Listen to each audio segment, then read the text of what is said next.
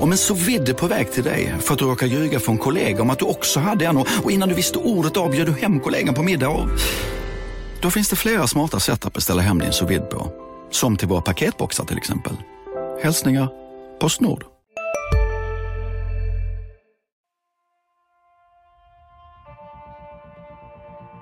De kan skriva mina citat innan jag ens säger dem. Så eh, där har vi en dialog. Vi, vi, vi har ambitionen att det ska vara klart eh, ganska snart. kommer man att se en mycket spännande fortsatt utveckling. Hur vi ska utveckla GIF Sundsvall. Vi, vi, har en spännande utvecklingsresa. Mycket spännande utveckling. Han var klok nog att välja Sundsvall som nästa utvecklingsmöjlighet. Det är en spännande lösning. Spännande forward. Väldigt spännande central mittfält.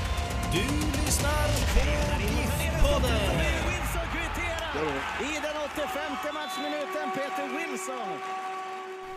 Du lyssnar på GIF-podden med mig, Lukas Salin. Med mig, Oskar Lund. Vad glad jag blir. Du kör den gamla klassikern idag. Ja, ja, Kul. Jag ska hälsa på rätt sätt nu. Mm, det är det. Och vår gäst dagen till ära, du får presentera dig själv. Yes, eh, jag heter Christian Rubio, så var det då. Ehm, ja, spelar i fotboll i GIF Sundsvall nu, utlånad från Strömsgodset i Norge. Eh, 20 år gammal. Ehm, född i Sundsvall, uppvuxen i Stockholm. Mm. Och det kommer vi komma tillbaka till. Mm. Var du är född. Men vi ska säga det, det, det känns konstigt idag. Ja, Vi, det här är ju en historisk podd för det är första gången vi sitter ner och vi sitter på samma stol. det känns också bra. I knät på varandra. Ja, ja, men det känns... Det är, det är en ganska, det är ingen inte vanlig fel. stol. Det är en... eh, Ja, det är svårt att beskriva den. Det är ut, utan ryggstöd och den är ganska så bred så vi får ju plats eh, båda två. Men Ja. eh, Den är lite som en sån här häst på en lekplats som man kan rida. Mm. Typ så. En fjäderhäst. Ja, men... eh, det känns väl bra, eller? Ja, men det känns, det känns bra. Inte inte bra. Mm. Eh, hur är läget, Christian? Eh, det är bara bra. Eh, Jag kom precis från eh, träningen, eh, där vi har, eh, är i förberedelse inför fredagens match mot Malmö. Så det, det känns bara bra. Du stannar kvar längre och körde. Ja, eh, det gjorde jag. Det var, vi var några stycken som, eh, eller vi är några stycken som brukar stanna kvar och skjuta lite, eh, inlägg och avslut och sånt där. Så det, det gjorde jag. Vilka brukar stanna? Det blir man ju nyfiken på direkt. Um, Romain eh, stannade idag. Han har stannat fler gånger, vet jag. Kim Skoglund. Ehm, Amaro brukar stanna.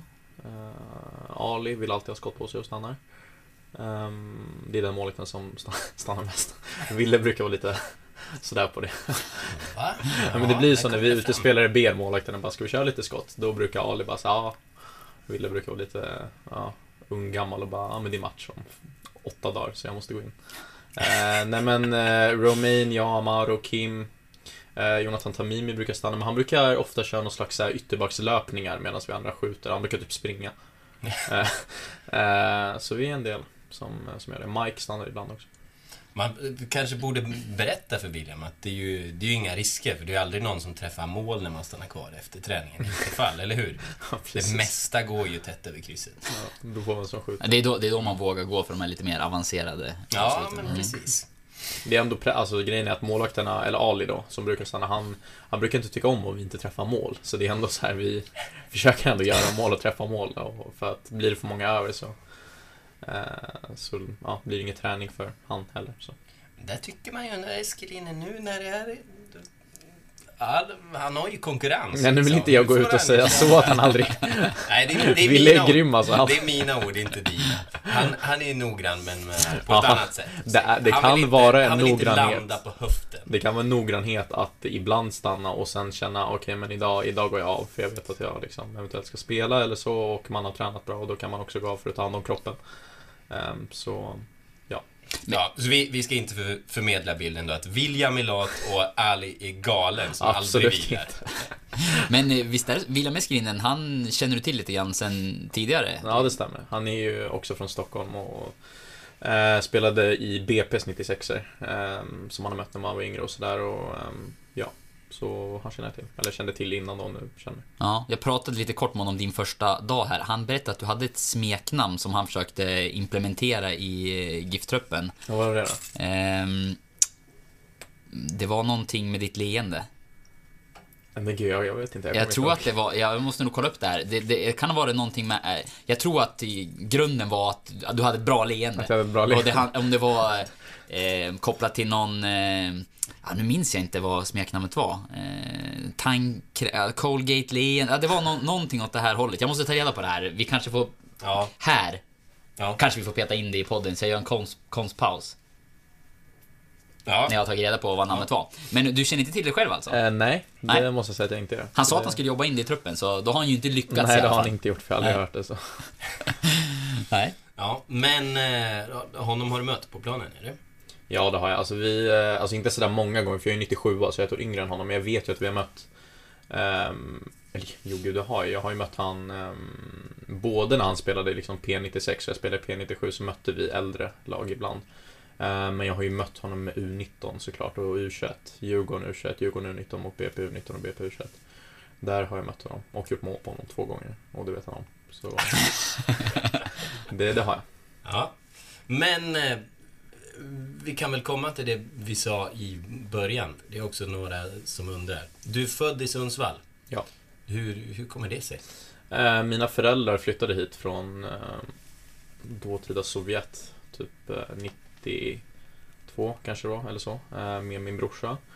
Um, anledningen till det vet jag väl inte, alltså de, jag vet inte exakt varför de just kom till Sundsvall, men de kom hit i alla fall också. Jag föddes ju 97 uh, eh, i Sundsvall då, och sen så flyttade vi sommaren 98 typ till Stockholm. Så jag hann ju inte, ja, jag hann inte bo här mer än sex månader eller så innan jag flyttade till Stockholm. Ehm, ja, och namnet också. Det är ju det är ju en spännande blandning. Rubius mm. det då. Mm, det stämmer. Är det rysk-kubanskt? är det så? Ja, pappa eh, kommer från Kuba, mamma kommer från Ryssland, eller ja, Ryssland och Vitryssland, så det stämmer.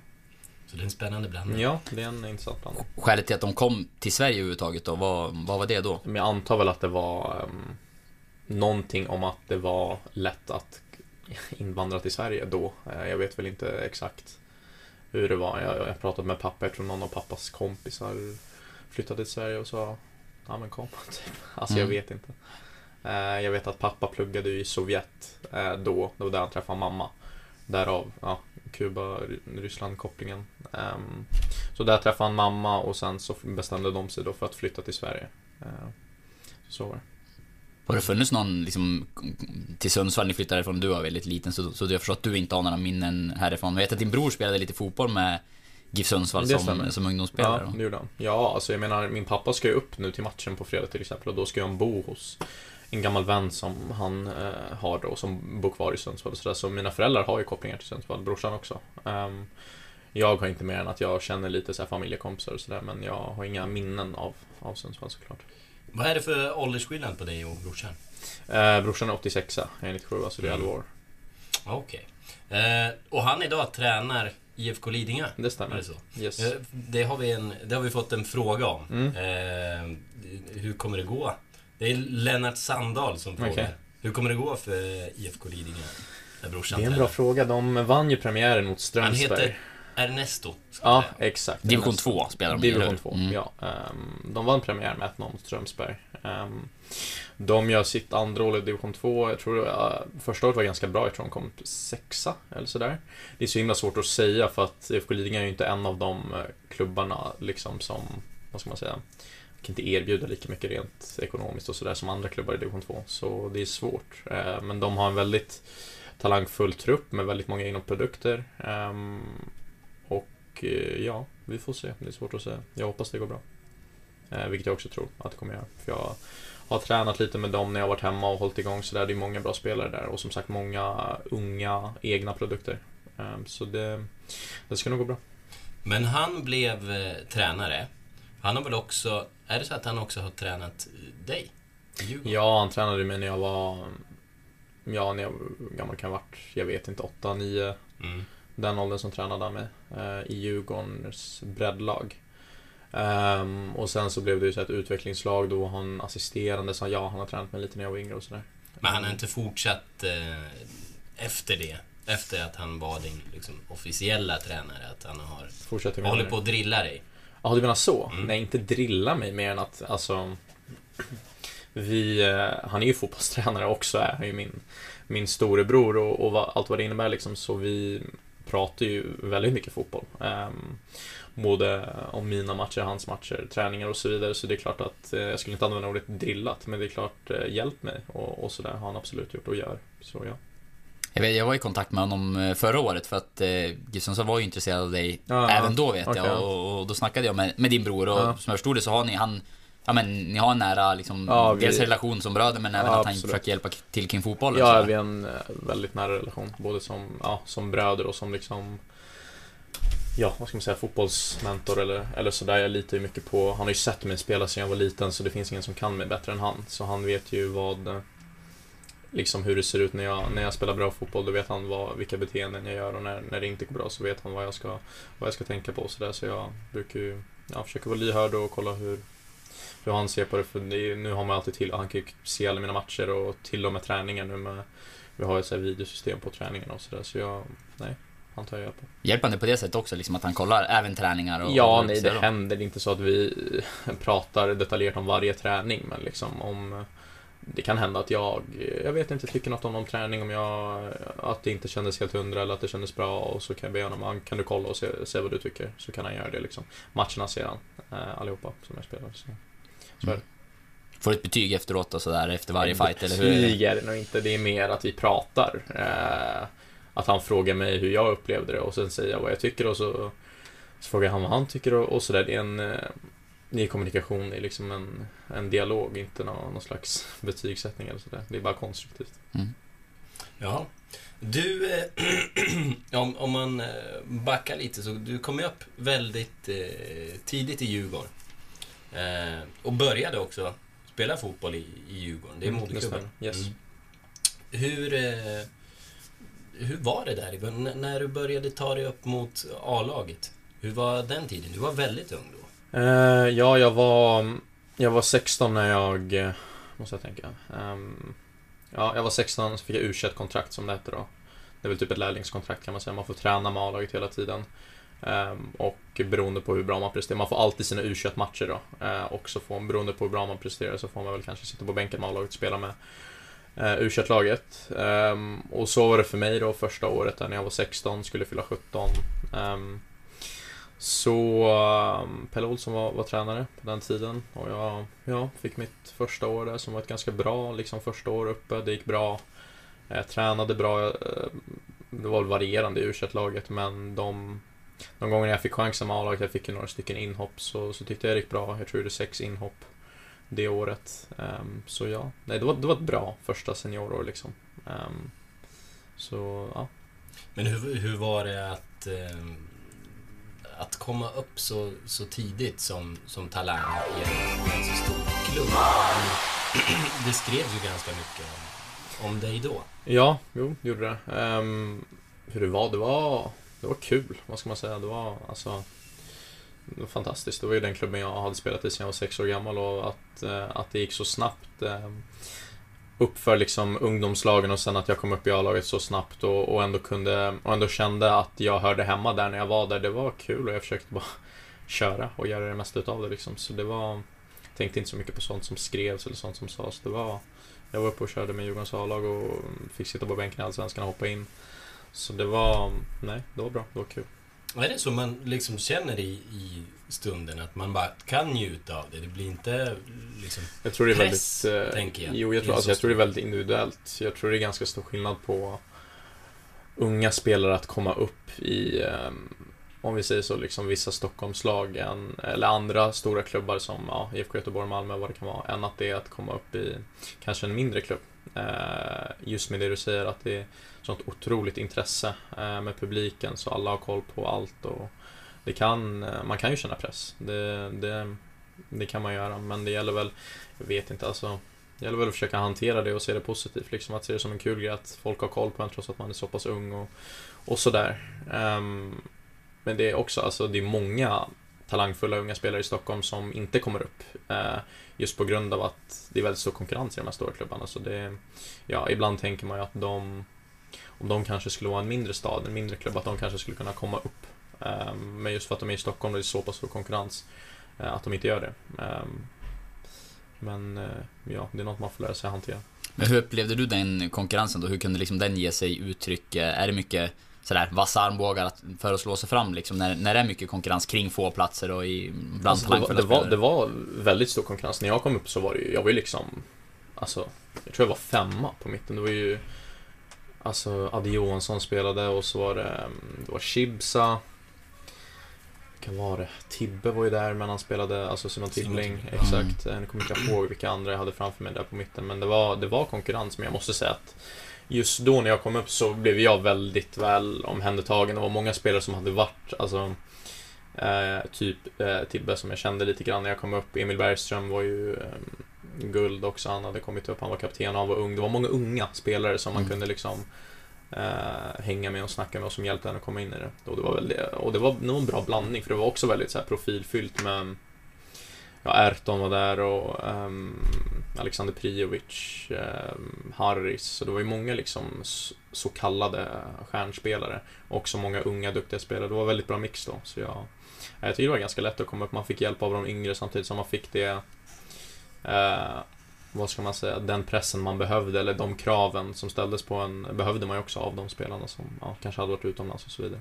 Hur förbereder klubben en på det som kan komma? Det är ju liksom dels lite speciellt eh, i Stockholm, dels speciellt att vara så ung som en, som en stor talang. Mm.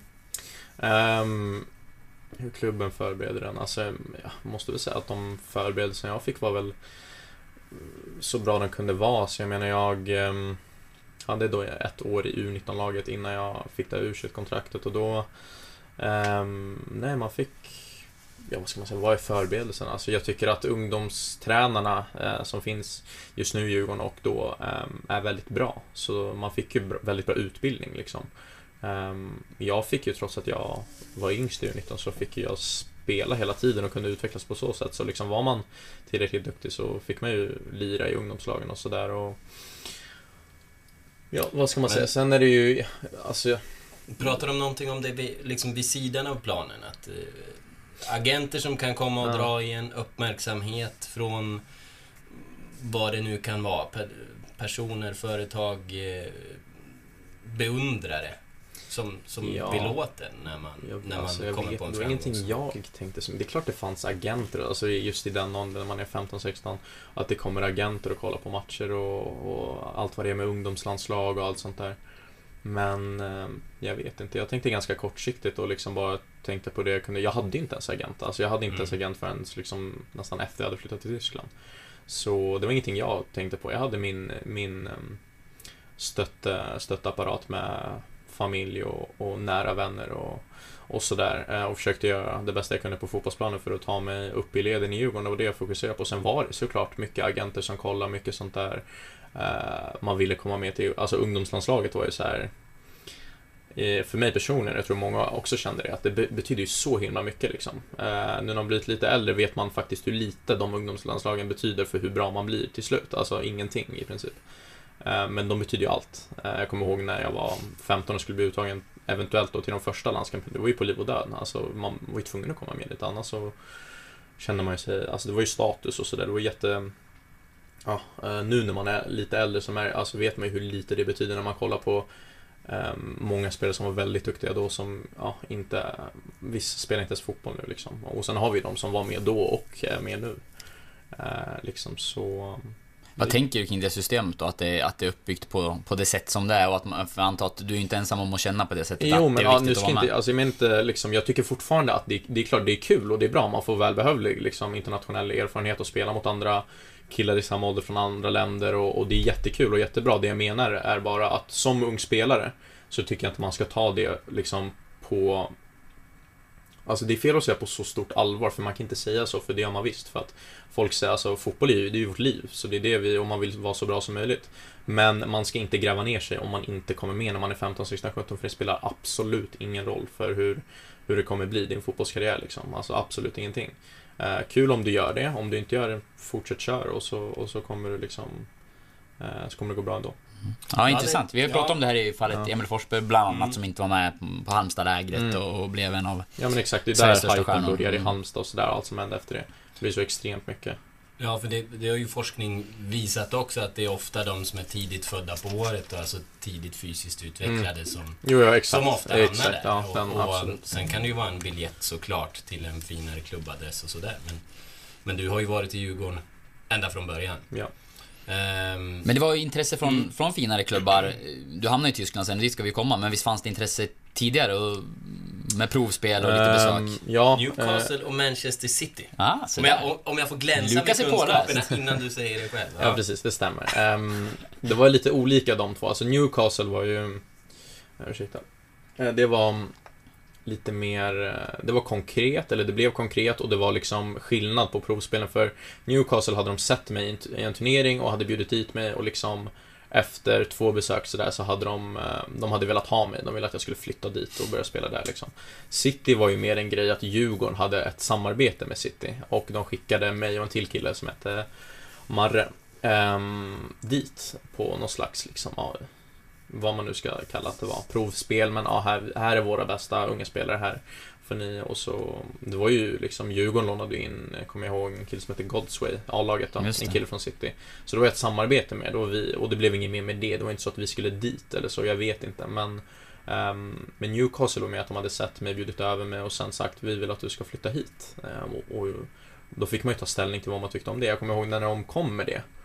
Då hade jag gjort mitt år i U19 i Djurgården och då Då kände väl jag Jag tror att jag och brorsan och familjen pratade om det och så sa jag att om jag efter nu mitt år i U19 kan få kontinuerlig träning med A-laget och få träna med dem varje dag, då, då vill inte jag åka, då stannar jag hellre här. Men om, de, om Djurgården inte vill, inte kan eller inte vill erbjuda det, då, då är det intressant. Eh, men då sa vi det till Djurgården, bara, vi, Newcastle har hört av sig och de, eller de hörde av sig till klubben som sa det till Mm. oss eh, och så fick vi ta ställning. Så sa vi då, ja men om eh, Christian kan få träna med A-laget kontinuerligt under det här året och få ett så kallat u kontrakt då vill vi göra det, då vill vi stanna i Djurgården. Men om inte, om ni vill att han ska vara kvar i U19, då är det intressant liksom, så då vill vi tänka Mm. på Då så blev jag erbjuden u kontrakt så Då var det inget mer att Ja, tänka då på. fick ni fart på klubben. Ja. Men, men var det, det låter... Ja, nu låter det som att du var ganska bestämd då, liksom, Ja, kände nej, vad det du var ville. inte Men hur gick tankarna då? Det måste ändå vara... Nej, tankarna gick inte. Jag tror, jag var så här, jag, jag ville stanna i Djurgården och jag Mm. trodde också att jag skulle bli uppflyttad för jag, jag ehm, var en av tre i U19 som spelade, alltså jag spelade med U21 hela tiden när jag spelade i U19. Eh, det var några U19-spelare som fick spela med U21, annars var det bara bänkspelare i A-laget och jag var en av de som fick spela hela tiden. Ehm, och jag trodde väl liksom, alltså de måste ju flyttat med och det hade gått bra i U19 och sådär så om de inte skulle göra det då Alltså jag, Djurgården behandlade mig alltid jättebra när jag var alltså, ung spel. De trodde alltid väldigt mycket på mig, så jag räknade lite mer på att ah, men de kommer tro på mig nu igen, för jag har visat att jag, att jag är liksom, ja, en av de bästa unga spelarna, så de borde flytta upp mig i alla fall och ge mig chansen att träna hela tiden med A-laget. Eh, vilket de gjorde. Så. Men vad fick du för intryck? Det måste ha varit häftigt bara att besöka de där klubbarna liksom och vad, vad, Ja, vilka absolut. skillnader finns det mot, mot svensk fotboll om du liksom ser hur, ja, hur de där stora klubbarna är uppbyggda och vad de kan erbjuda Ja, spelare? ehm, ja, bara alltså träningsfaciliteterna ju, var ju helt otroliga, speciellt i City då. Eh, Newcastle också. Eh, och så just i England tror jag det är lite tuffare jargong och sådär än vad det kanske är på andra ställen. Eh, dock så var det ju det i Tyskland också i och för sig, men det var man hört från andra också att det är lite mer, ja men grejen är att klubbarna som tar in spelare från England, de tar ju in väldigt många från hela världen och sen är det så här bara Ja men om två lyckas av eh, 13 så då har vi lyckats liksom. Mm. Tyska eh, unga klubbar, de tar inte in så många spelare. Det var jag, en dansk och en polack, typ. Liksom. Annars var det bara tyskar. Så om de tar in en spelare, då betyder det att vi tror på honom. Så det är väldigt stor skillnad så. England tar in massa spelare och, och liksom bara hoppas att man lyckas. Ehm, så på så sätt är det skillnad. Och det, det kände du att det hade ni koll på redan då? Det hade vi jättekoll där, på, absolut. Mm. Men dock så hade jag gjort ganska bra ifrån mig och det kändes som att de verkligen ville ha mig. De, Mm. eh, när man pratade, jag fick ju träffa liksom alltså A-lagstränare man, man märkte att de försökte liksom imponera på en så att man skulle välja dem. Ehm, men vi kände inte, eller jag kände inte att det, det var rätt steg att ta. Jag ville liksom, tanken var ju alltid att slå sig in i Djurgårdens A-lag, få spela och sen gå ut. Du fick, någon, du fick någon matchtröja och fick träffa kavaj, var det så? Eh, det fick jag. Ja, exakt. Det var derbyt där, Newcastle Sunderland.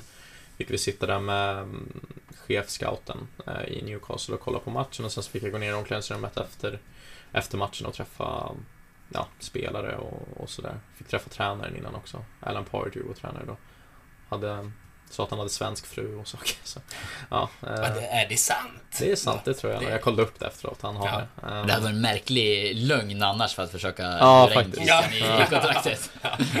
Nej men så det var lite sådana saker, så de tyckte väl eh, att man hade gjort bra ifrån sig och var duktig och så ville de, ja, eh, ja, ville visa intresse på så sätt. Lockar de med mycket pengar och sådär? Det, det är ju en Det annan del blev som svårt som aldrig ung. så, det blev aldrig Nej. något kontrakt eller så, utan de hörde för sig med Djurgården och sa vi vill ha Christian, vad, hur ser kontraktssituationen ut, hur mycket, oj, jag hade ingen kontraktssituation då, det var det som var intressant, jag hade typ så här ett U19-kontrakt, så det skulle inte, de skulle inte behöva lösa mig eller så, tror jag inte.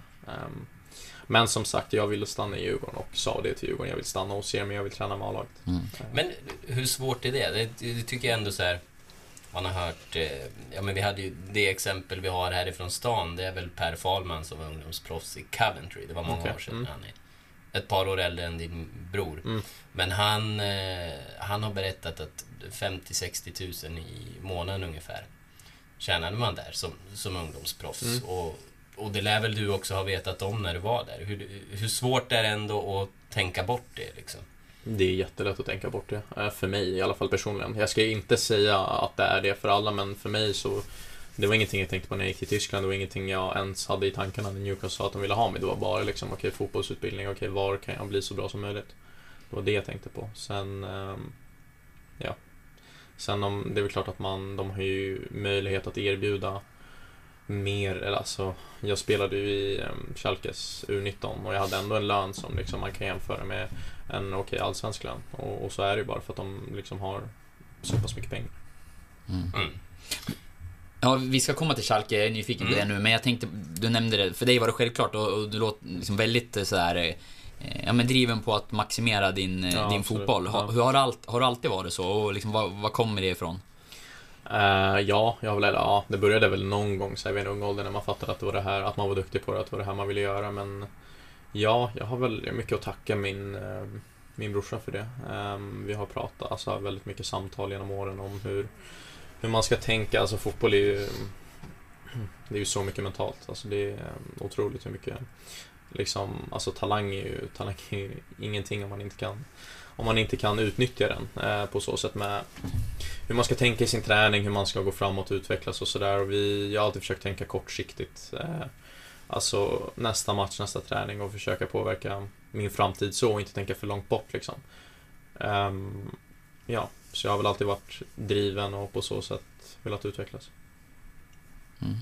Mm. Nice. Kör du. Ja, nej, har, har det varit mycket extra träning och så vid, vid sidan av? Eh, ja, det har det varit. Eh, det, är en, det är något man har fått lära sig att det, eh, det måste man göra för att, för att liksom bli eh, bättre. Bättre än de andra. Som det, det är ju det det handlar om. Att liksom, eh, ja, när man inte tränar så tränar någon annan.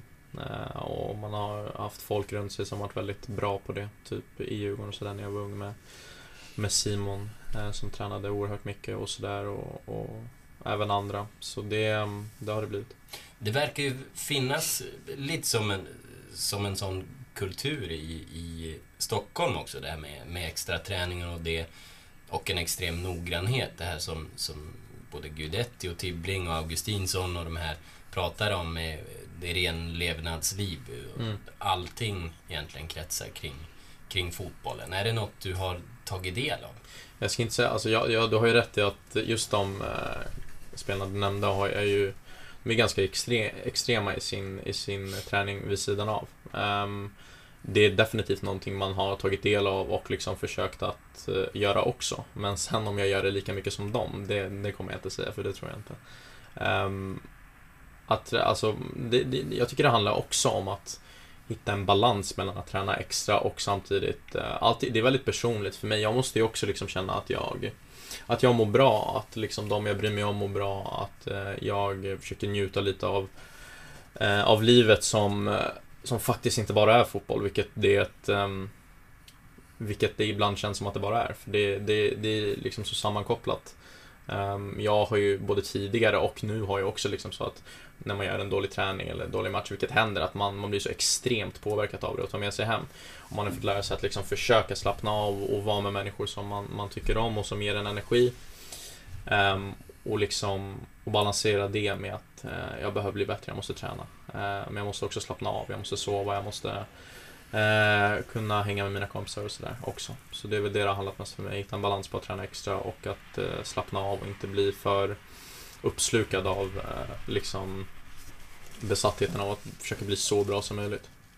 Hur gör man för att hitta det då? Har du någon, någon som, du liksom, som hjälper dig med det eller hur, Det är kommer till insikten själv? Alltså, jag har väl kommit till insikten själv antar jag. Alltså, eh, de som hjälper mig med det är väl liksom de man pratar med hela tiden. Ens, ens flickvän, ens, ens brorsa, ens bästa vänner. Um, uh, kan ju ringa liksom. Uh, nu har jag varit, jag har inte varit hemma på tre år liksom, så då, då blir det att man när man känner att man har gjort något skit då brukar, kan man ringa någon av ens bästa kompisar. Jag har till exempel en bästa vän som när jag ringer honom så frå- han frågar aldrig liksom hur går det med fotbollen. För ibland vill man ju inte ha den frågan. Så jag, vill inte, jag vill inte prata om fotboll. Utan jag ringer bara honom bara för att han han är inte fotbollsintresserad så han skiter i att gå går med fotbollen. Han frågar liksom hur läget, hur mår du, vad, vad händer liksom. Eh, så sådana grejer så kan man ju ta energi av. Ehm, och andra gånger liksom när man vill prata eller kanske prata om någon bara, jag, var, jag, var, jag gjorde en jättedålig match liksom och sådär. Då ringer man någon, någon annan liksom eller man, ja, vad som helst. Man har en flickvän som man kan gå eh, Gå ut på stan med eller kolla film eller sådär. Man, man får försöka hitta energi där man, där man vet att man får det liksom. Finns det något tillfälle då, då, eh, ja, men då du kände att, att det blev för mycket fotboll? För jag tänker, du kom ju väldigt ung och liksom slog igenom tidigt och var det ungdoms... Eller var det proffs i, i Ja. Tyskland, vilket vi ska prata om. Eh, Har du känt så någon gång att så här, här och nu liksom, skulle jag må bra av att göra på något annat sätt eller sådär? Alltså, jag vet inte hur man ska, alltså för mycket fotboll, det kan aldrig bli för mycket, alltså det är ju så mycket som det är. Skillnaden är att eh, när jag har gjort en liksom dålig träning eller dålig whatever, att, det, att jag inte får liksom må dåligt i flera dagar efter det, vilket jag har gjort massa gånger, hur många gånger som helst. Eh, fortfarande liksom så eh, försöker jag bearbeta och arbeta med att liksom försöka släppa saker för att, man, man har ju träning dagen efter och dagen efter det liksom. Man kan inte gå och må dåligt hur länge som helst över att man har gjort eh, någonting som är mindre bra, någonting som man, man vet att man är bättre än. Eh, men jag har väl haft lite så här jag vill så himla mycket och vet att jag kan så mycket och har så mycket i mig att jag blir så eh, frustrerad och irriterad när jag inte, när jag inte lever upp till de kraven jag, jag har på mig själv. Liksom. Ehm, men jag är tillräckligt, vad ska man säga, har tillräckligt smarta människor runt omkring mig för att fatta att jag kan inte hålla på och ehm, bli uppslukad av det heller utan jag måste kunna släppa det, må bra och sen eh, se nästa träning, nästa match som en ny, ny chans. Mm. Ska vi närma oss eh, Tyskland? Vi måste väl göra det. Vi har Hur- tassat kring eh. Schalke länge nu. Ja. Hur, hur var det när de eh, dök upp i bilden? Det var, det var ganska Det var en ganska konstig situation för jag hade ju varit i Djurgården i, uppe i A-laget i ett år. Um, och jag var helt inställd på att uh, egentligen skriva på A-lagskontrakt med Djurgården. Um, jag hade ju fortfarande bara det här lärlingskontraktet och de u kontraktet uh, ehm, och sen så hade um, sportchefen då, Bosse, um, jag och min brorsa hade haft ett möte med honom där vi egentligen skulle prata om att eventuellt skriva på ett A-lagskontrakt efter säsongen. Och lite löst så tror jag att han och brorsan pratade om ehm, Ja men typ Bosse sa väl något så här Han brukar ju säga sånt så här Var ska jag sälja dig? Typ, vad ska jag sälja dig om ett par år? Då? Och då var vi väldigt inne på På tysk fotboll och sådär och, och sa väl det att ja men Tyskland typ Och så sa han att han hade ehm, kontakter i Schalke och frågade om jag som en morot ville åka dit efter säsongen och träna lite med, med deras U19-lag så, så sa han det, så la han upp det. Och vi bara, ja visst, så här, jag hade haft Jag var 16, jag hade gjort, eh, liksom debuterat som yngsta någonsin i Djurgården och det hade gått bra och sådär. Och Jag var helt inställd på att nästa år är mitt år och sådär. Och klubben eh, trodde på mig. Så jag var helt inställd på att det var exakt så som han sa att det var, så det var en morot att jag bara skulle gå, åka dit och känna på det. Men sen när jag åkte dit med brorsan och tränade Två, tre träningar med deras U19-lag så hade vi möte med ungdomssportchefen och han sa Typ i princip att vi vill ha det och hur, hur löser vi det här? Och vi var, var, blev ju ganska ställda för vi var ju så här Löser vad liksom? Vi, vadå? Eh, så ja, då gjorde jag klart träningsveckan där eh, som var en fantastisk upplevelse med eh, som var stor del till varför det blev Schalke. Just hur jag kände när jag var där med eh, träningen och, och, och tempot och den kontakten jag fick med den U19-tränare som var där och som har varit där i 20 år eh, och fått fram eh, massa spelare upp till A-laget och, och sådär som alltså Özil, Hövdes, Neuer, alla de har gått igenom honom och Leroy Sané som spelar i City nu och sådär. Och han har varit på samma lag i 20 år och är liksom ansedd som en av Tysklands bästa tränare. Inte ungdomstränare utan tränare, punkt liksom. Vad heter han? Eh, Norbert Elgert heter han. Ehm, och han ehm, och han har ju liksom blivit tillfrågad att ta över A-laget hur många gånger som helst, men han vill inte för att han ser sig själv som en lärare och inte som liksom, utan han vill ha unga spelare och bara slussa upp folk till A-laget, vilket han har gjort helt otroligt. Så man blir ju väldigt så här, när han, när han säger att han tror på en så mycket och, och tror att han kan göra en till A-lagsspelare, så så blev det ju det. Alltså det gick inte heller, det var inte så att vi var där i en vecka och sen så jag åkte ju hem, var hemma i en månad, fick såhär bara okej, okej, landa lite, vilket de sa att jag skulle göra. Sen så hörde de av sig eller vi hörde av oss och liksom såhär bara ah, okej, vi har tänkt och vi skulle gärna vilja eh, åka tillbaks och typ egentligen träffas och prata, ha möte liksom om saker och ting. Så åker jag dit egentligen över dagen eh, och träffar då sportchef och A-lagstränare och U19-tränare, nej inte A-lagstränare, vad var det? Alltså sportchefen för A-laget, sportchefen för ungdomssektionen, U19-tränare och hela, ja de flesta egentligen och pratade om om saker och ting, om hur de spelar fotboll, om hur de ser på mig, vad de hade tänkt, vad, vad planen är för mig och sådär. Och efter det var vi ganska övertygade om, jag och brorsan som var där och, och min dåvarande agent att uh, det ser ut att bli, bli Schalke. Vad, vad var det framförallt då som, uh, ja du nämnde...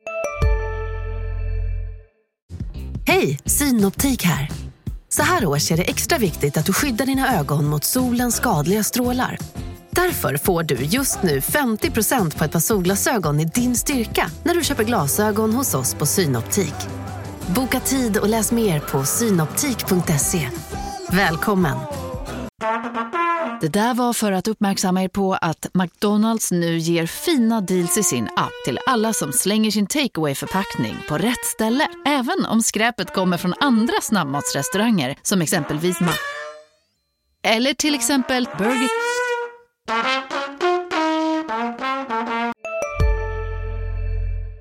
Tränaren såklart. Eh, Vad var de stora liksom, anledningarna till att du ville dit? Stora anledningarna var tränaren. ehm, som man helt enkelt litar på när han säger att jag tror du kan bli A-lagsspelare för Schalke inom ett och ett halvt år, max. Liksom. Eh, planen de la upp för mig om att jag skulle bli det. Ehm, och vi såg det ju som att det var ett, ett snabbare sätt att komma dit jag vill komma. Ehm, liksom spela i en toppklubb i Europa. Vi tänkte att om man eh, får spela i Djurgården slår igenom där så går man ju då till eh, några mellansteg. Det här var liksom att hoppa över mellansteget, att gå dit och genom, genom klubben gå upp till den nivån som slutligen är målet. Det var väl så vi, resonerade. Liksom. Och självklart tron och eh, om att man var tillräckligt bra för att göra det. Eh, så det var det som blev avgörande. Mm, hur, ble, hur blev det då? Hur, hur upplevde du tiden i Tyskland? Ehm, tiden var, ska man säga, det, man får ju den frågan så himla ofta, hur, hur var Schalke? Det är så, vad ska man säga på den frågan? Det var, det var upp och det var ner. Och det var upp igen och så var det ner igen liksom. Det var väldigt mycket. Eh, det var liksom U19-mästerskap som man vann och, och, och alltså bäst i Tyskland och U19. Eh, gjorde mål i finalen och det var fantastiskt. Det var andra matcher jag ehm, inte alls spelade så bra som jag ville och blev utbytt eh, liksom i första halvlek. Eh, vilket i princip de flesta i vårt U19-lag fick känna på när man inte levererade. Han bytte ut folk i första halvlek i 30 minuten. Man visste om man inte hade gjort första 30 bra att det fanns en chans att man skulle bli utbytt, så det gjorde han ibland. Eh, och, och få hantera hur det känns liksom och hur, hur allt vad det innebär och, och, även blir det i matcher som är stora mot liksom eh, Dortmund, kommer jag ihåg att jag blev det tillsammans med en annan kille en gång och liksom vad var det, hur hanterar man det? Det var helt sjukt, tyckte jag då liksom. Eh, till att få vara med på träningsläger med A-laget och, och få, få, få det sagt efter tre dagar att eh, av A-lagstränaren att han var jätteimponerad och att han ville att jag skulle stanna kvar där och sådär. Så det var liksom ja, från att bli utbytt i, i första halvlek med U19-laget till att få höra av, av A-lagstränaren att man, det är här man ska vara. Liksom. Så det, det är svårt att svara på hur var Schalke. Det var jävligt bra, ibland var det jävligt dåligt. Men, är det, kan du uppleva det, skillnaden på en, på en tysk elitklubb och en svensk elitklubb i det, det hur man klart. behandlar? Ehm, För att förklara det. Hur man behandlar vad? Vad menar du? Hur, Ja, det, hur du behandlas och hur du... Ja, för, och förutsättningarna. Eh, ja, alltså till att börja med så är ju rent kvalitetsmässigt är det ju ett par snäpp upp på spelarna och på, på kraven och allt sånt där. Så det är lite... Jag kommer ihåg det träningslägret som jag gjorde då i, i USA med A-laget. Att varje träning för mig, jag var ju tvungen att vara på topp för att liksom kunna konkurrera och kunna vara bra. Och när jag var det, då gick det jävligt bra. Eh, så fort jag sjönk ner lite, då, hade jag, då kunde jag ha det tufft. Liksom. Så det var det som var så svårt under en tio dagars period med så många träningar. Att, att varje träning var ju liksom som en final för mig. Eh, vilket gör det väldigt svårt anspänningsmässigt. Så jag blev ju så trött efter fyra fem dagar rent mentalt. Att jag var inte lika bra de sista tre fyra dagarna på träningsläger som jag var de tre första dagarna. Medan liksom Huntelaar, han, han, är ju, hur, han har ingen anspänning. Han vet att han hör hemma där han vet. Och, och då kan man prestera på ett annat sätt varje träning utan att ha den pressen på sig. Um, så det är väl det, att man, måste, man vet att man måste vara på topp och man vet att man måste liksom imponera uh, för att få eventuellt stanna kvar. Och uh, kanske bli uppflyttad då till sommaren. Det här var ett vinterträningsläger och sådär. Det var jag och en annan kille bara som var med från U19. Uh, eh, sen kontentan av hela grejen, av hela Schalke-upplevelsen var ju, kommer jag komma upp till A-laget eller inte? Och sen då den sommaren som ehm, det skulle bestämmas då, så, så var det egentligen så att jag eh, skulle bli uppflyttad till A-laget med en annan kille. Ehm, men eh, jag blir skadad en vecka innan eh, sommaren, innan sommarledigheten. Får en tackling, en U19-match, en U19 träningsturnering efter säsongen. Kommer jag ihåg, mot Wolfsburg. Ehm, och ett ledband i foten går i princip av, inte helt, men jag är borta i tio veckor typ, eller åtta veckor eller vad det var. Och när jag kommer tillbaka så ska jag träna med A-laget, men jag gör rehaben då, eh, hos A-laget. Eh, men jag är borta en månad, jag missar träningsläger, jag missar, missar mycket och det värsta av allt är att hela tränarstaben är ny och sportchefen. Så i princip, den tränaren som har sett mig, han, han finns inte kvar. Den sportchefen som tog upp mig på träningsläget, han är inte kvar. Allt är nytt. Um, så till slut kom jag tillbaka från skadan och får träna lite med A-laget. Men sen, eh, sen så skickar de ner mig liksom till eh, eh, uh, U23-laget och tar in ja, sen någon, någon, uh, någon ny mittfältare från Tottenham som de ska ha och sådär. Så, det, så var det. Så är det uh, ute. Det är tufft. Ehm, och ja, jag var nära men jag kom inte upp till A-laget. Du var i princip liksom lovad ett, eh, ja, en plats i A-truppen? Ja, eller ja var... men i princip. Alltså, det var det jag fick. Det var den kommunikationen jag fick höra från min agent som hade kommunikationen med klubben. Liksom. Christian ska vara i A-laget när vi startar upp. Uh, och så blev jag skadad och så byttes hela staben, så då ändrades det. Um, eller ändrades, jag fick ju träna med A-laget efter min skada. Det var bara att de, ja, flyttade ner mig och köpte en annan helt enkelt. Hur tänker du på det där då? Ser du på det med bitterhet eller vilka Nej, ögon kan man använda? Det, man använder dem, vad ska man säga, där som där. Alltså jag hade jättegärna velat och kanske tycker att jag borde fått chansen längre. Eh, det kanske skulle varit annorlunda om jag hade varit tysk och liksom eh, det vet man aldrig. Alltså jag var ju en 19-årig svensk som hade kommit, kommit tillbaka från en skada och tränaren har inte sett mig och det är såhär bara Ja ah, okej, låt honom träna några träningen men sen så Sen så skickar ni honom liksom, vad vet jag. Men det var som det var. Jag kom inte upp till slut och då... Mm, nej, då fick man försöka kolla efter nästa steg. Mm. Det är det där liksom berömda eh, nålsögat. Det är en väldig Exakt. timing man ska eh, ha allting ska ja, falla på, på plats ja. i rätt tid. Jag kan väl tänka, eller, alltså, om jag inte hade blivit skadad, det är så bittert eller att säga så och tänka så. Då hade jag ju fått träna med dem från början och följt med på träningsläger och kanske hade kunnat liksom hävda mig. Um, nu blev jag skadad och missade fyra veckor på försäsongen och då, då visste man att det skulle bli tufft att kunna få en plats. Så. Mm. Hur, ja, hur tidigt valde du då att leta efter någonting Nej, annat jag visste ju direkt att om jag inte kom upp till A-laget, det var alltid sagt så, då vill jag ju bort, då vill jag väl hem. Liksom, eller hitta, eller hem, eller hitta, inte hem ska jag inte säga, hitta en klubb, en... Alltså för att få spela A-lagsfotboll liksom. Nej, om det nu skulle vara i Skandinavien eller i Holland eller vad, vad som helst liksom. Um, men det var så lite kvar på transferfönstret så jag var tvungen att vara kvar i det här B-laget. Um, där jag absolut inte ville vara. Uh, för att ja, så hög som kvaliteten var på U19-laget så, så låg man på U23-laget rent hur de spelade fotboll, vilka spelare de valde att använda och så vidare. Um, så där vill jag absolut inte vara. Um, men jag fick vara där i sex månader och knappt spela för att jag blev bortprioriterad för att de visste att jag inte ville vara där. Okay. Och, och, och, så vidare. Um, så då, och efter det så, där på vinterfönstret så fick jag istället eh, hitta en ny klubb då, som blev Norge. Men hur var det halvåret då, liksom bli sid och sidosatt på det, på det sättet och veta det att man ville därifrån?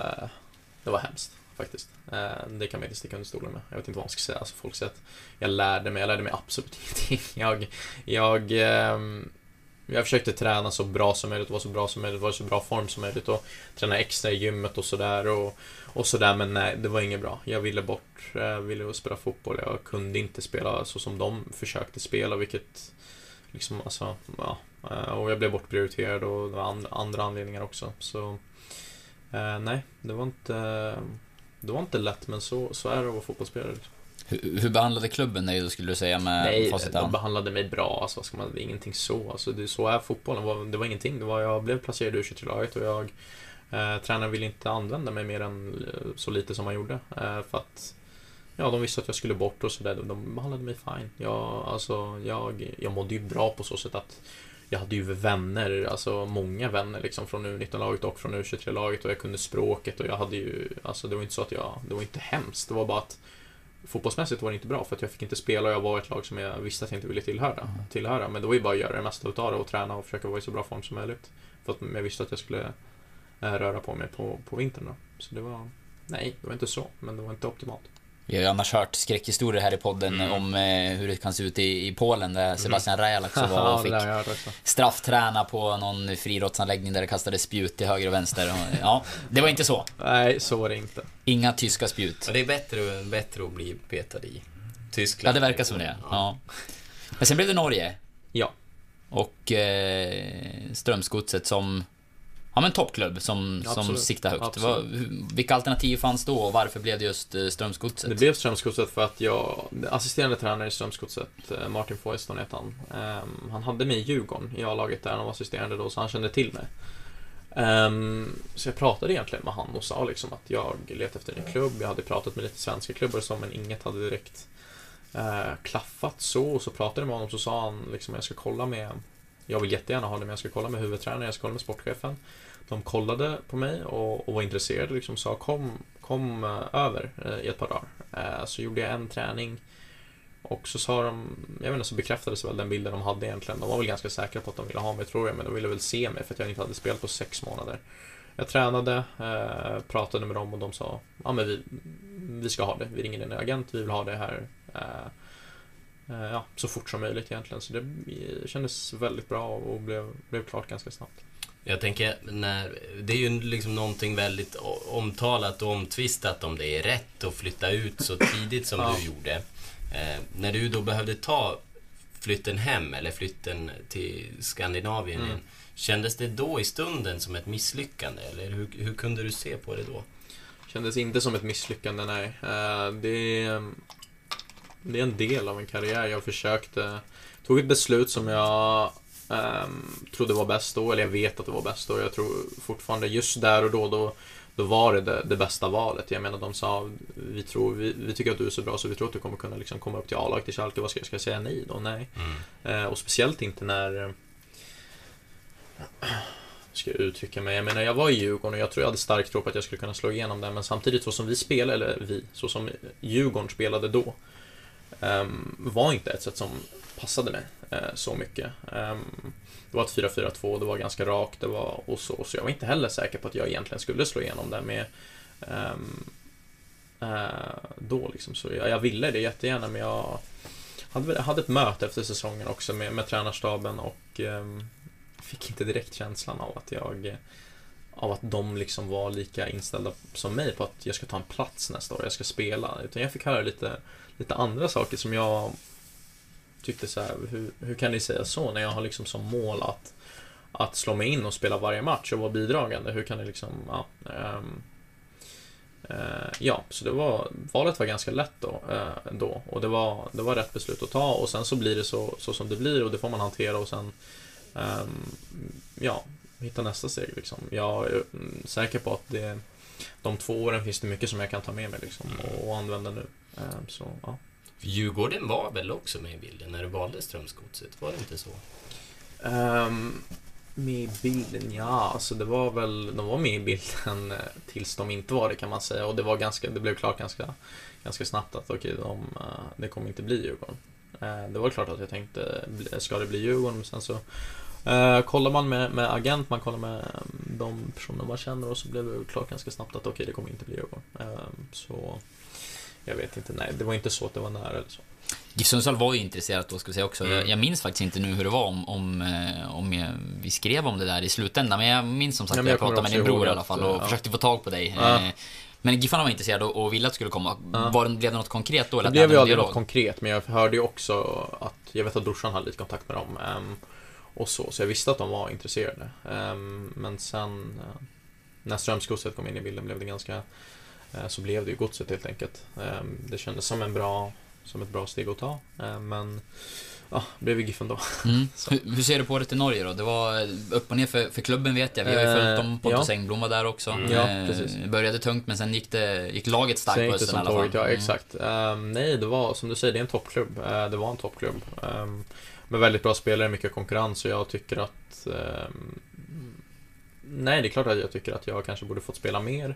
Eh, men det är lätt att tycka, speciellt när man inte får spela. Men jag, jag tyckte jag gjorde tillräckligt eh, för att få fler chanser. Sen fick jag några. Jag fick några eh, en start i ligan och så fick jag starta i kuppen och så fick jag hoppa in ett tiotal gånger liksom. Ehm, men det är svårt att, att inte få fler hela matcher liksom, speciellt som, som mittfältare. Jag menar, är man ytter och får hoppa in och göra ett mål kanske man får starta eller två eller kontra liksom. Jag, jag behöver en hel, eh, liksom, alltså eh, en start, en mitten och liksom ett slut för att kunna, det är så, det är den typen av spelare jag är liksom, så jag försökte göra det mesta utav inhoppen och så. Men det var ett starkt lag, bra konkurrens och jag fick inte spela så mycket som jag ville så ja, det är därför jag är här helt enkelt. Vad var det du konkurrerade med? Vilka var det? Jag konkurrerade med Henning Hauger som mm. spelade i Elfsborg året innan. Um, han var given.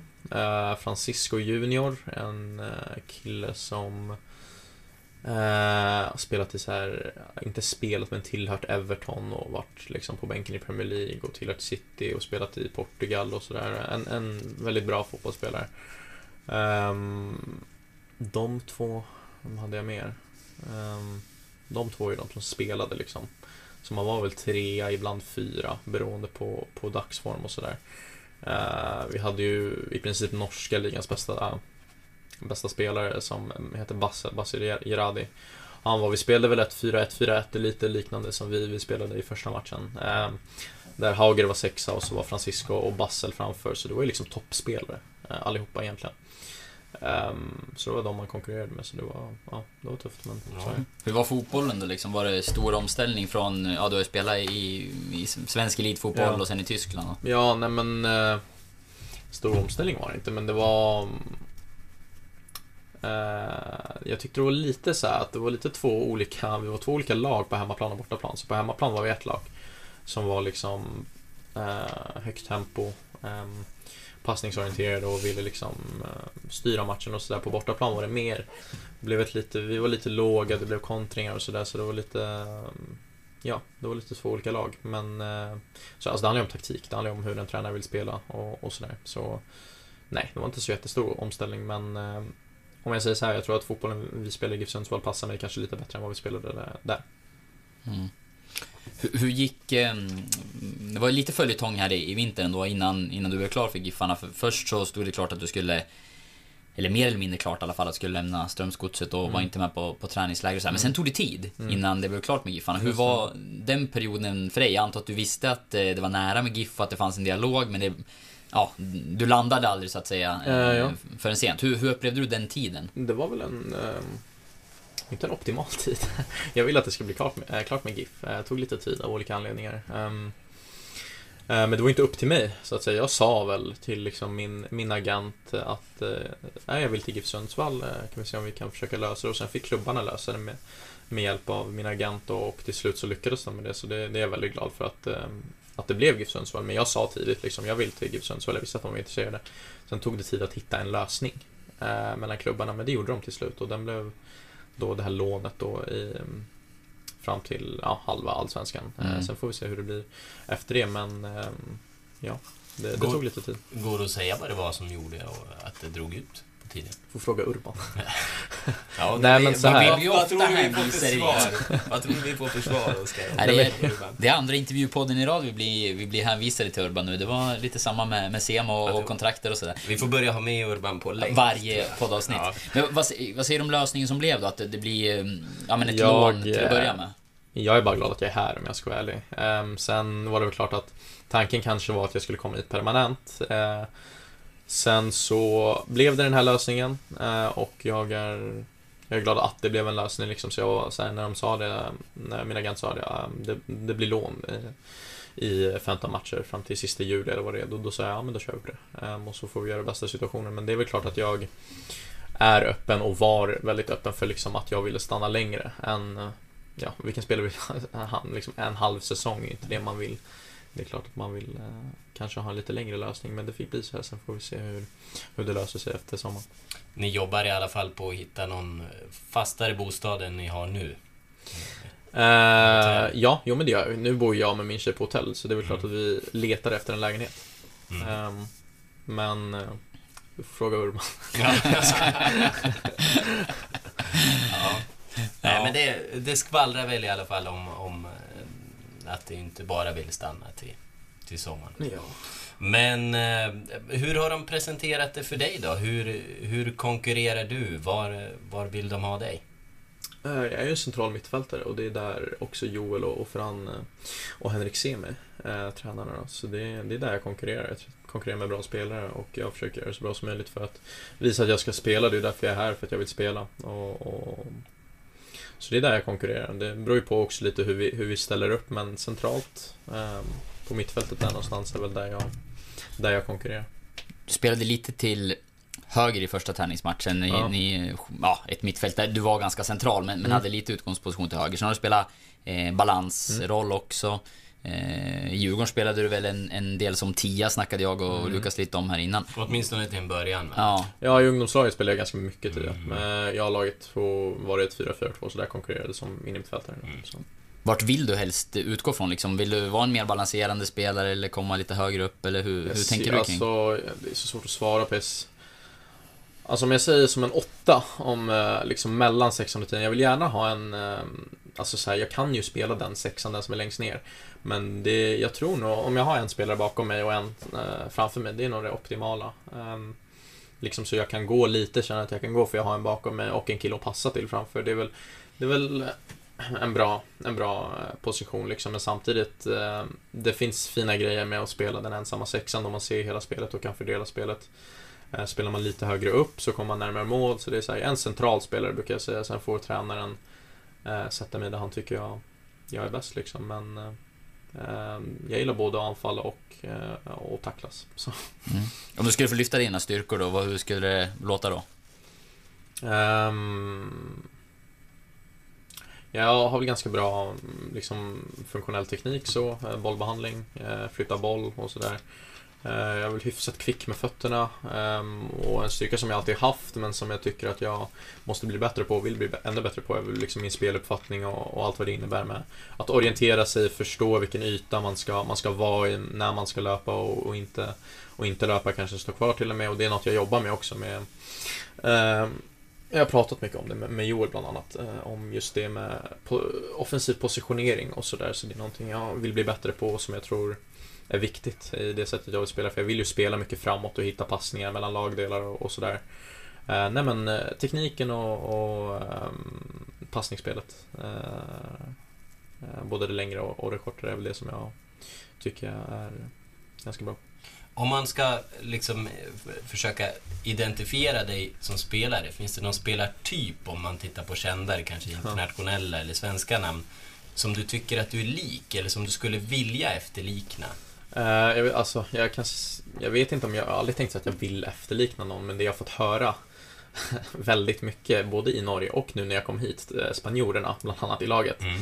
De tycker att jag sp- spelar som Thiago i Bayern München. Mm. Ehm, lite så här teknisk och ettrig och, och, och sådär. Uh, spela gå och sådär.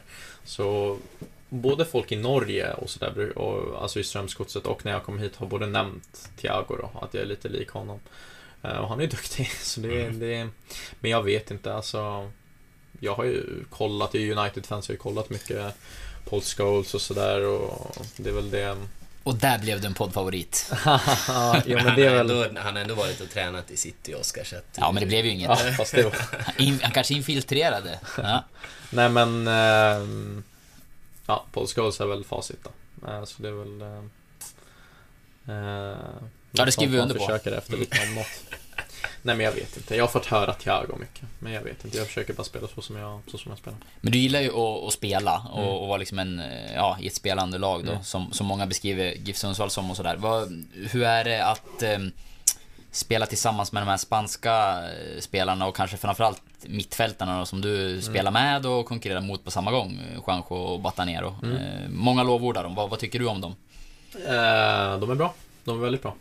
Um, väldigt uh, såklart skickliga med, med bollen och sådär. Och, och de, är, de är i och för sig ganska olika varandra de två som du nämnde. Bata är ju mer eh, kanske lite offensivare och har sin fot som är eh, liksom topp, eh, toppklass måste man ju säga. Um, Juanjo är väldigt bra på att komma in i press, vinna boll, eh, men också han har väldigt bra liksom, eh, funktionell teknik och bra passningsspel. Så de två väldigt bra fotbollsspelare som du säger som jag konkurrerar med och eh, trivs med att spela med också.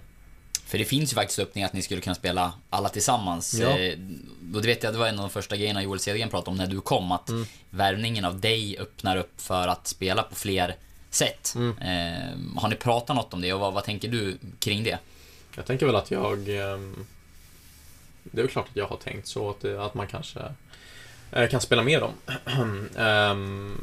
Och ja, vad, gud, vad ska jag säga? Alltså jag, jag försöker träna så bra som möjligt och visa så mycket som möjligt att jag ska spela. För det är, det, det är därför jag är här, det är det jag vill göra. Liksom. Sen får Joel och eh, övriga i tränarteamet bestämma hur man formerar ett lag som är bäst lämpat att vinna. Liksom. Men det är väl klart att jag hade inte tackat nej till att spela bredvid, bredvid de två, men det är samtidigt andra spel också. Alltså man kan ju använda fotboll i så, som nu när vi spelar senast så spelade vi med, med Wilson på en liksom slags tia-roll och då blir det ett annat spel, kanske lite mer djupledsgående. Spelar jag där kanske det blir ett lite mer, eh, mer kontrollerat, mer possession, mer, ehm, ja, eh, vad det nu blir. Ehm, det får, det är upp till dem, men det är väl klart att jag, eh, jag vill spela. Så att spela bredvid dem eller att spela istället för någon av dem, eller det det bryr jag mig inte så mycket om. Men ja, jag gör bara det jag kan. Liksom.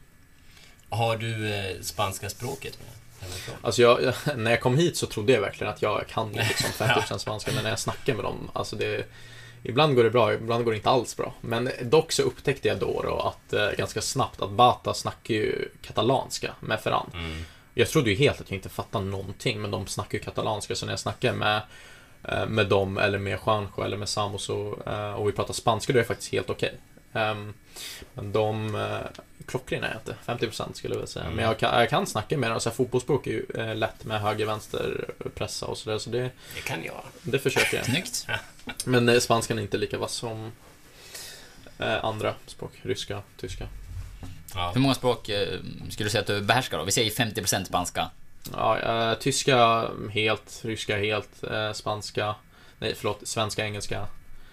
Fyra och en halv kanske. Mm. Eh, norska för sig så förstår jag nu helt och hållet. Dock så pratar jag inte norska. De, alltså jag förstår allt på norska och så kan jag svara på svenska då. Men Det är tyska, inte ryska, som när, svenska, när Pontus. Engblom var här som gäst i podden så Ja. pratade ju han eh, norska. Ja, han, han eh, har ju börjat bryta efter alla år här borta. Ja, nej det vet jag inte. Det, det skulle jag aldrig göra.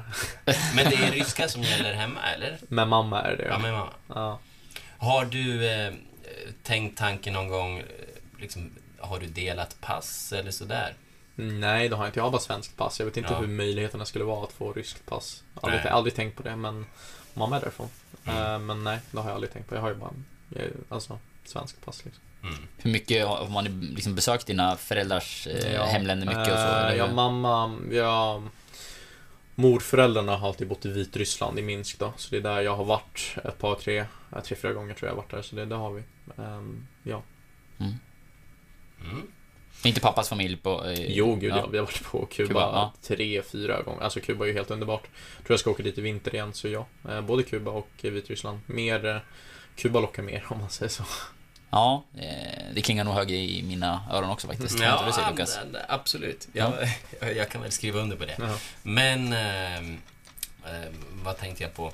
Eh, jo, en sak som jag var intresserad av är hur, hur ser man eh, i Stockholm, liksom i stor, från storstäders håll, hur, hur ser man då på klubbar som Giffarna och så här, som är lite mindre allsvenska klubbar?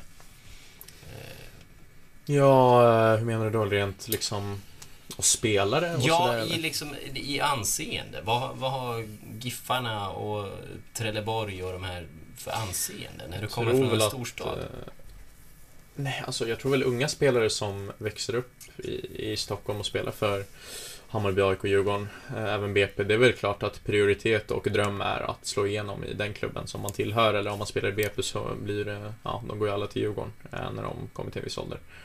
Um, så det är väl det som är prioritet. Om man inte lyckas med det, då tror jag nog att många förstår och uppskattar att okej, okay, det finns andra bra klubbar som spelar i Allsvenskan som är lite mindre, där jag kanske har lite större chans att, att kunna få spela eller kunna liksom konkurrera. Så det, det, är väl det, det är väl så det är. Det, det är inte så att man bara Ja men om inte jag kan spela i Djurgården eller AIKs A-lag då, då slutar jag eller spela mm. liksom Nej nej, då alltså så är det för mig i alla fall och det tror jag nog för alla som förstår fotboll och vill bli så bra som möjligt att det är ju jättebra möjligheter och jättebra att det finns eh, lite mindre klubbar som eh, har så pass liksom högt anseende och hög, alltså bra kvalitet. De spelar i Allsvenskan eller Superettan så man kan kanske ja, söka sig dit. Mm. Eh, ja. Oskar? Ja, men vad ser du framför dig nu? Nu har du ett, ett kort låneavtal till att börja med, med Giffarna då. Eh, återstår att se vad som händer efter det. Men om man, eh, du pratade i och för sig om att du tänkte kortsiktigt sådär, men har, finns det någon eh, mer långsiktig plan eller tanke kring karriären? Vart du, där och där vill jag vara eller eh, liksom din, din ambition? Ja, det är väl klart att jag har, jag har ambitioner som, som jag antar att de flesta har. Eh, när man är i min ålder och, och, och, spelar liksom eh, att man vill komma så långt som möjligt vad det, vad det nu innebär. Alltså att komma ut i Europa och spela för en, en, bra, en bra klubb. Och, eh, landslaget är en dröm såklart. Eh, och man, eh, ja som jag säger, försöker jobba liksom med det man kan här och nu. Stampa, eller vad säger man, gräva där man står. Ehm, för att, för att eh, komma närmare målet och ambitionen som är att bli så bra som möjligt. Att spela Allsvenskan, sen kanske göra bra ifrån sig och gå ut och, och sådär i Europa och eventuellt bli eh, landslagsspelare och sådär. Det är väl klart att det, det är drömmen, det är ambitionen. Men eh, det blir ju inte så om man inte jobbar där man, där man är. Och det är ju här nu, så det är det. Det är väl egentligen det bara jag tänker på. Sen får man drömma, man ska drömma. Det känns som vi återkommer mycket till eh, gräva där man står mm. och att vi låter spelet tala. Det är inte så att du... Det, det, är inte så att det är mycket, mycket snack, att du, du sticker ut på det sättet. Nej. Var, var kommer det synsättet ifrån?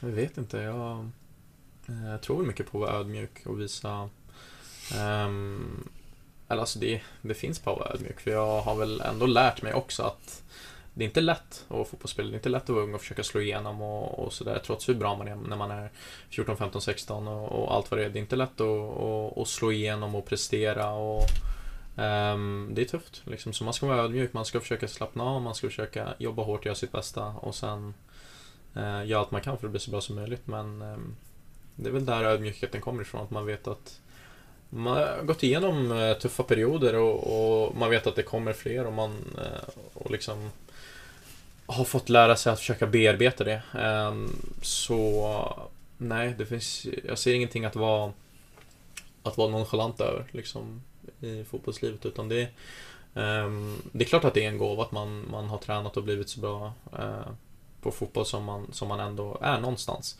Men eh, jag tror man måste vara ödmjuk om man vill bli så, så bra som man, som man tänker att man kan bli och vill bli. Mm. Och, så det är väl där det kommer ifrån. Och du hade det där, hade du det där redan när du kom upp och var 15-16 nära Djurgårdens A-lag eller är det något som har kommit efterhand? Jag tror nog jag har haft eh, det. Eh, jag har aldrig varit eller det beror på om man frågar i och för sig. Man kanske själv tycker man är väldigt ödmjuk och andra tycker man är... Man måste vara, det är klart att man måste våga ta för sig, man måste vara kaxig på plan, tycker jag. Um, I och för sig har jag till och med fått höra, alltså när jag har kommit upp i, i som i Djurgården när jag var 16-17 att jag var en kaxig snorunge liksom. Men det, det, jag tycker det finns en balans. Man ska vara lite kaxig, man ska våga ta för sig, men man ska veta eh, Man ska ändå veta sin plats, man ska vara ödmjuk, man ska jobba hårt, men man kan inte gömma sig. Eh, då kom, det kommer inte gå. Eh, så jag tog ändå för mig ganska mycket, både i omklädningsrummet och på plan i Djurgården. Eh, ehm, I Tyskland, i Norge försöker man liksom. Så det, det, det, tror jag är viktigt. Men en, eh, det är en balans. Man, måste, man kan inte visa att man liksom eh, eh, vad ska man säga, det blir så töntigt att säga, visa att man är svag, men man måste liksom porträttera att jag tror på mig själv, jag, eh, jag förtjänar att vara här precis lika mycket som ni, och det, men samtidigt måste man veta att okej, okay, eh, du, måste, du måste jobba hårt. Liksom. Mm. Nu är nästa match mot eh, Malmö på fredag. Hur är läget med dig inför det? Eh, det är bra med. Eh, jättebra, jättekul match. Sjukt roligt att mästarna kommer hit. Ehm, och ja, vad ska man säga? Vi ser alla fram emot matchen väldigt mycket. Jag också. Hoppas det blir en bra match. Hoppas man kan få bidra. Och ja, det blir kul. Ja, tror du att du kliver in nu och startar? Eh, det är svårt att säga, jag vet inte. Jag har inte fått några, vi har inte fått, ibland får man indikationer på, på träningarna. Eh, hade vi fått det i och för sig hade jag nog inte sagt det till er. Men, men vi har faktiskt inte fått någon, någon sån, ja precis, någon sån formationsgrej. Så jag, jag vet faktiskt inte, vi får se. Jag jobbar hårt på träningar för att eh, för att försöka få start om. Eh, så vi får se på fredag helt enkelt. Du har ett ordentligt paket om ena lillfingret. Ja. Man var lite orolig där när man, hälsade faktiskt när du kom. Men... Ja, jag, jag höll ju på att och knäcka det en gång till. Berätta vad som har hänt. Eh, det var en träning för, eh, vad kan det ha varit, tio dagar sedan. Något sånt. Där jag fastnade i någon på ett smålagsspel. Fastnade i någon jacka eller något. Och fick en liten fraktur på på överdelen på fingret, på lillfingret då. Eh, som gör att jag får ha den här skenan, som det heter, i, i typ sex veckor. Jag får inte böja fingret.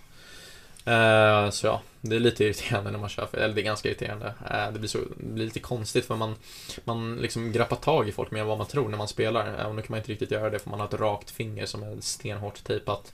Men man får... Ja. Ni, ni har alltså livsfarliga träningsjackor? Nej, det är bara, jag tror det är mer fingrarna det är, som är, det är min sjukt, på det. sjukt ömtåliga. Uh, det var inte så att jag ramlade på det, jag på riktigt bara typ fastnade i någons tröja och så bara gjorde det jätteont i fingret och så liksom ser jag att det är snett. Vem var skyldig då? Vem går med dåligt samvete nu? Jag vet, jag kommer inte ens ihåg vem det var. Ingen aning. Jag kommer inte ihåg. Men det blir inga inkast närmaste tiden då? För det, inga, det, ja, det var länge sedan jag tog ett inkast alltså. Ni har ju Samu Reyes. Exakt, vi har ju Samu. Nej. Jag vill bara mm, berätta nu att jag har mm. fått svar på smeknamnsfrågan. Jag mm. messade William Eskelinen här under poddens gång. Eh, jag var rätt ute. Mm. Du ser vad det står, Lukas. Mr Colgate. Jag har aldrig hört det. Det kan ju vara att eh, han kryddade lite grann. Att det, det, kanske inte var så etablerat där. Det kanske var något han kom på. Ja, där och då. Han får ju dela med sig. Ja, men han, han hävdade i alla fall att det var någonting han... Eh, han, jag vet inte, han försökte väl få, få mig att kanske lansera det i media på något ja. sätt då, Men nu vet du, nu kan du ställa honom till svars. Ja, verkligen. Ja, du får ju mässa honom och säga åt honom att stanna kvar efter träningen en gång. Nej, skämt åsido. Det är ett bra slut. Ja. Nu knyter vi säcken, det var där vi började. Ja, det gör vi. Det var en trevlig, det var en trevlig, ja en dryg timme. Ja. Ja, det är sant. Det ni rätt i. Så mm. vi, eh, vi tackar för att du kom hit och nu ska du få äta ikapp dig efter, efter Tack, träning. tack själva. tack.